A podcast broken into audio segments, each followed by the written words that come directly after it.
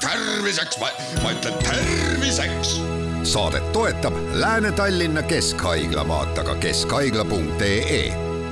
tere, head Kuku kuulajad, eetris on saade Terviseks ja me räägime täna rasedate treeningutest ja sellest, miks on füüsiline aktiivsus rasedale oluline ning mida sealjuures jälgida, et endale ja beebile liiga ei teeks.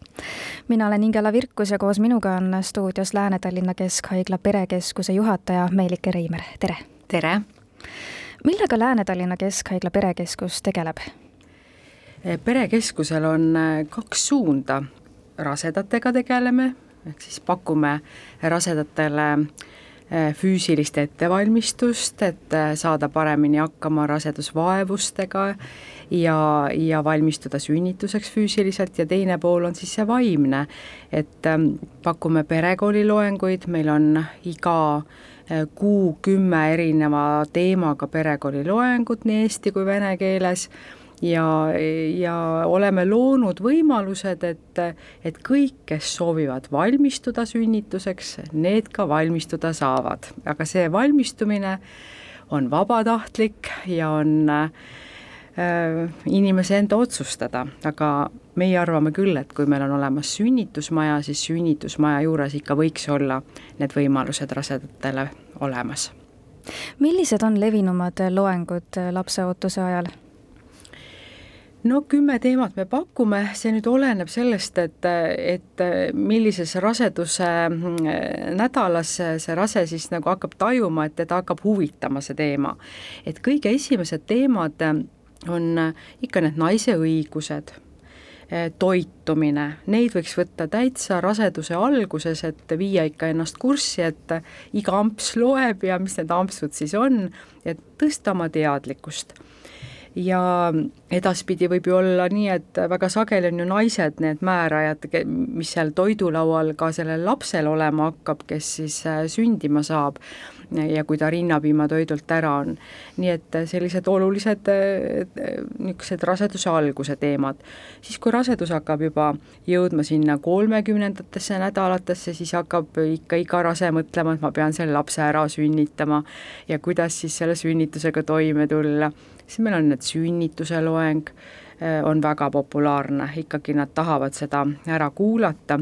järgmine on kindlasti tugiisiku abi sünnitusel. et praegu ikkagi kusagil juba peaaegu üle kaheksakümne protsendi käiakse koos tugiisikuga ja tegelikult me täiskasvanud inimesed ei soovi ju ebaõnnestuda. et kui infot on vähe, siis me ebaõnnestume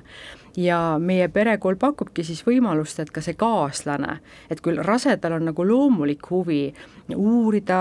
sünnituse kohta ja lapsega seotud äh, toimingute kohta, siis enamasti kaaslastel võib-olla seda nii kõrgendatud huvi ei ole, ta tegeleb muude asjadega, ta võib-olla mõtleb majandamisele rohkem. aga perekoolis ta saabki siis nii-öelda rohkelt infot ja kui ta siis äh, tuleb ühel päeval oma naisega sünnitama, siis ta tunneb ennast äh, ikka oluliselt paremana, kui ta on kursis, mis sünnitusel hakkab olema kuidas tugiisik saab ise aidata ja üldiselt kõik need praktilised tunnid, kus me täitsa harjutame näiteks tugiisikutega, et kust naist masseerida, mudida, et ta saaks tuhuvaludele leevendust. me jagame ka selliseid väga lihtsaid sõnumeid, et, et vahel ei olegi vaja palju sõnu, vaid pigem kallista, kaisuta, musuta, tee pai et need on siis sellised tugiisikuga noh, võib-olla kõige populaarsemad, need sünnitus- ja tugiisikuabi. nüüd naised käivad hästi palju ka nendel niisugused äh, hingamisloengutel, me teeme täitsa praktilisi hingamisloengud, kus me siis äh, harjutame seda tuhuaegset hingamist. ja kuna ikkagi tuhu on seotud kehas oleva sellise võimsa pinge, surve, venituse ja valutundega, siis äh, kuidas häälestuda juba nii, et see keskendumine ei ole mitte valule, mida ka naine tunneb, aga keskendumine oleks avanemisele, sest tegelikult ju seda pinget põhjustab ja, ja valulikkust just see eh, keres toimuv avanemine, et eh, last läbi lasta ja, ja lõpuks lapsega kohtuda. ja lisaks hingamisele räägime ka väga palju lõdvestusest, sest kahe tuhu vaheajal naine peab ennast vabaks saama aga tuhu toob kehasse väga palju pingeid. ja kui ta siis ikka teadvustab juba raseduse ajal, et enamasti tuhu ajal hoitakse tugevalt kusagilt kinni, õlavööde pingestatakse üle, et kuidas vabaneda nüüd, kuidas teadvustada endale, et kuidas ma saan päriselt ka näo vabaks ja kaela ja õlad ja ja muidugi siis lapsega seotud teemad, esiteks äh, imetamisega seotud teemad ja muidugi lapse hooldamine, et kuidas ta ikka ära mähkida, kuidas teda tõsta, kuidas teda rahustada nutu korral, kuidas teda gaasivalude korral rahustada ja üldse, kuidas vanni teha, millal õue minna, mis talle selga panna sellised noh, nii argised mm, teemad, aga samas eh, noorele perele täitsa uudsed, sest et kui ei ole ikka ühe imepisikese titaga kunagi elus kokku puutunud, siis see võib olla alguses natuke hirmutav ja, ja isegi murettekitav, et, et kuidas on õigem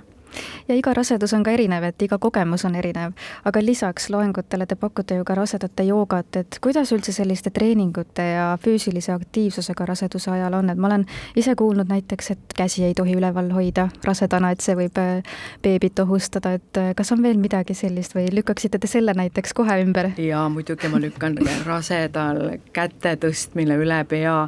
see on, see on üks parim enesetunde tekitamine et äh, ma olen olnud äh, nelikümmend aastat ämmaemandusega seotud ja, ja ma võiks öelda, et viimase kümne aasta jooksul on äh, väga kõvasti muutunud liikumise osas just meedikute soovitused, aga ka ühiskonna hoiakud. et kui kunagi ikka paarkümmend aastat tagasi nägid ühes treeninggrupis rasedat treenimas, siis ikka see mõisteti ikka hukka, et umbes nii, et rase küll peaks olema nagu lilleke ja hoidma ennast ja hoidma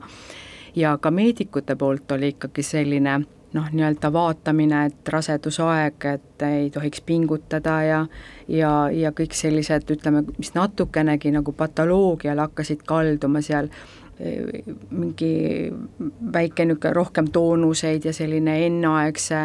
võib-olla äh, sünnituse oht küsimärgina pea kohal ja paljud määrati voodirežiimile suisa ja et ole paigal, ole paigal, siis need on nüüd ikkagi täitsa ära kummutatud. et kui rase on liikuv, heas äh, füüsilises toonuses, äh, siis hingamine on tal ka siis parem, siis tema kõik tervisenäitajad temal endal on paremad ja paranevad ja kui raseda tervisenäitajad paranevad, siis alati ka loote heaolu tõuseb.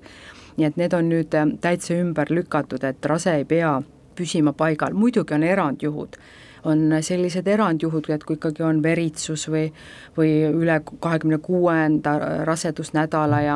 ja platsenta eesasetsus või, või seal on äh, tugevad tursed koos vererõhuga ja valkuriinis ehk siis preeklampsia ohud või midagi sellist Äh, mis on nagunii juba selline probleem, siis ega sellel rasedal ei ole see teadmata, et ta on tänapäeval hästi jälgitud, ta on hästi nõustatud ämmaemanda ja, ja günekoloogi poolt ja ta ei kipugi olema mingi aktiivne treenija. nii et praegu ikkagi hoiak on see, et äh, rasedusaegne liikumine on väga kasulik, väga õige tegevus, vali ainult õige liikumisvorm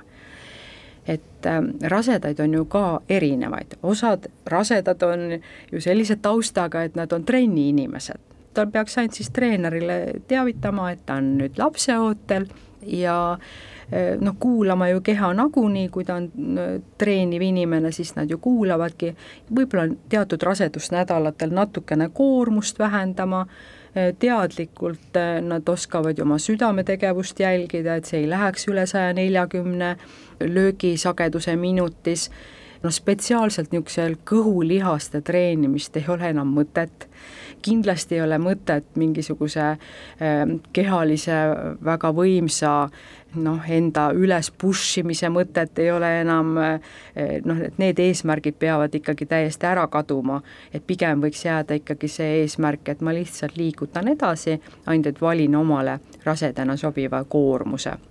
mulle meenus üks video, kus üks ja. naisterahvas, rase naisterahvas tegi hundiratast. kas hundiratast võib teha? Jaa, et kui ta on harjunud seda tegema, siis ta ju ei kuku ega põruta, et, et pole see ka küll keelatud. muidugi need sellised noh, kontaktspordialad, kus sa võid saada põrutada ja kus on oht kukkuda ja sellised spordialad, kus tuleb hinge kinni hoida, nagu mingi allveesport või ütleme, kõrgmägedesse ronimine, need enam tõesti rasedatele ei sobi. aga need naised, kes nüüd ei ole üldse treeningutega tegelenud, siis et noh, sellisel juhul võiks see rase siis midagi lihtsat teha, et kõndimine, ujumine on alati täiesti ohutu tegemine noh, kõndides siis muidugi selline tempo, et ei hingelda, kui kellegagi koos kõnnitakse, et kui juttu räägitakse, siis ikkagi on võim-, võimelised rääkima, et juba see määrab selle, et see tempo ei saa väga suureks minna ja raseda keha võtab rajalt maha. ta korraga annab niisuguse hea piste ja torke, et lihtsalt see rase peab seisma jääma ja mõtlema, oh, ma olen vist rase, et mis ma torman Eh, või siis valima sellised rasedatele kuulutatud treeninggrupid. no meie perekeskuses pakume rasedate joogat ja vesivõimlemist ja pallivõimlemist, noh, teraapia pallidega miks siis on raseduse ajal füüsiliselt end ikkagi oluline liigutada, et mida annab raseduse ajal treenimine? no esiteks eh, rasedusvaevuseid eh, vähendab täitsa kindlasti. keha ju noh, muutub et see suurenev emakas hakkab äh, siseorganitele mõjuma ja lihastele, liigestele, äh, veresoontele, närvidele, et seal on terve pakett, mille sa rasedusega kaasa saad. ja kui on äh, naine heas füüsilises toonuses, siis ta tegelikult talub kõike seda eh, paremini, ta enesetunne on, on parem ja muidugi ka see sünnitusjärgne taastumine eh, on, on järgmine teema, et kui sa oled heas füüsilises vormis, sa taastud. aga nüüd eh, raseduse ajal treenimine, ta tõstab nagu just see toonus tõuseb, see hea lihastoonus, selline hea hingamise võimekus ja seda kõike on vaja sünnituse ajal no raseduse ajal, kui me mõtleme veel, mis on oluline, tänapäeval on väga palju veresuhkru probleeme ka see on praegu uuringutega hästi selgeks tehtud, et liikumine aitab seda veresuhkrut hoida eh, paremal tasemel. ja mis me trennis teeme? väga lihtsaid asju, tegeleme oma rühiga, tegeleme hingamisega ja tegeleme lõdvestamisega nagu iga trenniga ta jõuab nagu lähemale sellele, mis sünnitusel teda otseselt nagu aidata võiks. et äh, kõik see on nagu nii seotud sünnitusega, see rasedusaegne liikumine, see on noh, nagu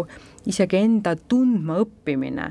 Et joogaski me täitsa mitmeid harjutusi teeme, silmad kinni, et see nagu keha sissepoole vaatamine paraneks ja see, see julgus olla nagu noh, ennast tunnetav iseendast paremini aru saav. et äh, see kõik ongi see, nende treeningute mõte.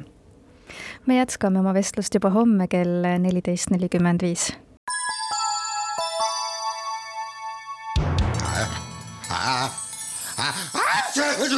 terviseks, ma ütlen terviseks. saadet toetab Lääne-Tallinna Keskhaigla, vaata ka keskhaigla.ee